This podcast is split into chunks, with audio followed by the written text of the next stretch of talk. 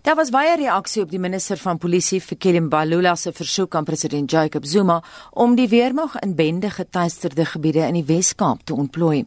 Sommige waarnemers meen dat dit nie die taak van die weermag is nie. Ons praat nou hieroor met professor Abel Esterhuise van die Kragskunde fakulteit by die Universiteit Stellenbosch. Goeiemôre Abel. Goeiemôre, hoe gaan dit vanoggend? Goed, dankie. Kom ons kyk 'n bietjie na hierdie hele kwessie. Dis nie die eerste keer dat die idee geopper word nie. Helen Zille het al meermale daarvoor gevra. Hoekom word dit as 'n moontlike oplossing beskou? Wel, ek dink dis 'n internasionaal aanvaarbare praktyk om die weermag te gebruik in gevalle waar die polisie nie die die situasie kan hanteer nie. Ehm um, maar ek dink die belangrike aspek wat 'n mens onmiddellik hier moet byvoeg is dat die oomblik wat jy jou weermag binne 'n land ontplooi, uh, stuur jy ongelooflike seine na na buitentoe in terme van die die stabiliteit binne jou land. Ek ek wil miskien drie opmerkings maak um, om die, om die gesprek net in konteks te plaas. Die een is dat artikel 201.2b van die van die 96 grondwet skryf baie interessant oor hierdie aspek. Hulle praat van die weermag wat ontplooi kan word in cooperation, met ander woorde in samewerking met die polisie. Dit is nie soos die voor 94 grondwet grondwet wat sê in ondersteuning van die polisie nie. Die 96 grondwet grondwet sê in samewerking met die polisie en en dit het dit het geweldige implikasies. Die tweede ding wat 'n mens natuurlik uh, moet oorweeg is die vraag hoekom die weermag as versterking ingebring word en hoekom ons nie liewer addisionele polisiebeamptes inbring as versterking nie. En dan die derde ding wat ek dink ons moet oorgesels en ek het baie geluister na jou terugvoer vanoggend van luisteraars af hou verband met die die afspeel van 'n uh, korttermyn voordele teenoor langtermyn nadele en ek dink 'n ou moet eh, 'n uh, mens moet 'n bietjie daaroor gesels. Ek wil teruggaan na iets wat jy nou-nou gesê het. Jy praat van dit het geweldige implikasies. Die kwessie nou van samewerking eerder as ondersteuning. Vir my klink dit na hare kloof. Wat is die verskil? Uh, dit dit klink miskien vir vir die die mense wat nie weermagte verstaan nie na hare kloof. Maar bevelsaffiliasies uh, soos weermagte daarna verwys maak vir weermagte baie saak. En daar's 'n groot verskil vir weermagte tussen uh, tussen die idees van ontplooi ter ondersteuning van die polisie. Met ander woorde, hulle hulle hulle onderwerp hulle eintlik aan die polisie uh teenoor samewerking met die polisie waar hulle eintlik wil ek amper sê langs die polisie uh ontplooi moet word en wat hulle in baie gevalle dan ook die polisie se rol kan oorneem. En wat is volgens jou die wysste opsie?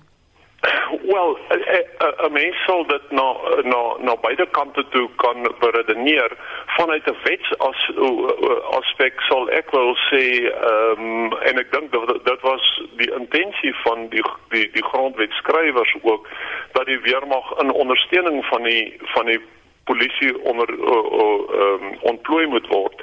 Ehm um, maar nou ja, die die letter die die hof kyk na die letter van die van die wet hierso. Ehm um, persoonlik uh, dink ek en en 'n mens kan aan albei kante toe redeneer daaroor dat weermagte se organisasiekultuur is van so 'n aard dat uh, when in charge they take charge en ongelukkig het hulle baie meer autoritaire ehm um, manier van doen as as as die polisie hulle hulle bevel en beheer strukture is baie beter as die polisie sin en ehm um, en daarom ehm um, uh, wil ek amper sê dit sal jy baie meer vinniger van die weermag verwag om situasies onder beheer te bring. Jy sê nou na daar kan na beide kante geargumenteer word. As jy die regering moes raad gee, wat sou jy sê?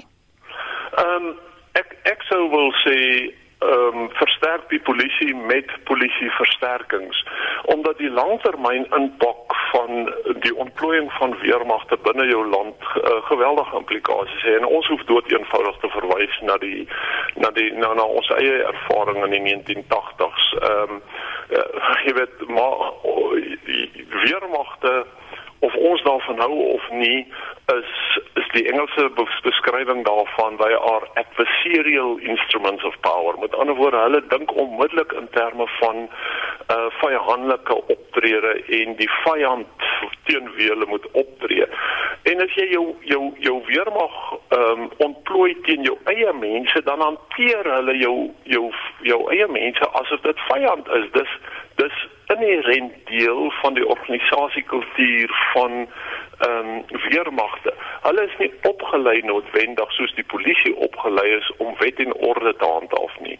Hulle is opgelei om in ehm um, situasies van van hoë geweld eh, te werk waar daar geskiet word om om om te dood. So uh, alles in in in weermagte se se kultuur, se organisasie, se uitrusting, se opleiding ehm um, skree eintlik teen die gebruik van weermagte teen hulle eie mense in hulle eie land. So die oomblik wat jy jou jou weermag binnelands ontplooi, word jy gekonfronteer met probleme wat verband hou met wat wat in die in die literatuur algemeen verwys word as burgerlik militêre verhoudings. Watter ander opsies is daar om bende geweld te bestry?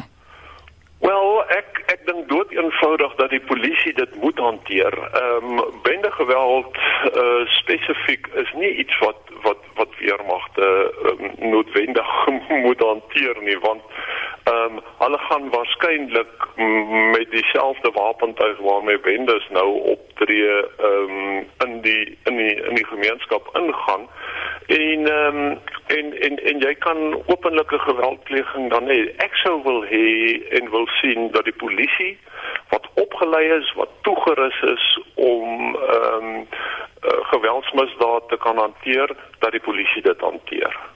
Baie dankie en so sê professor Abel Esterhuise van die Kraskunde fakulteit by die Universiteit Stellenbosch.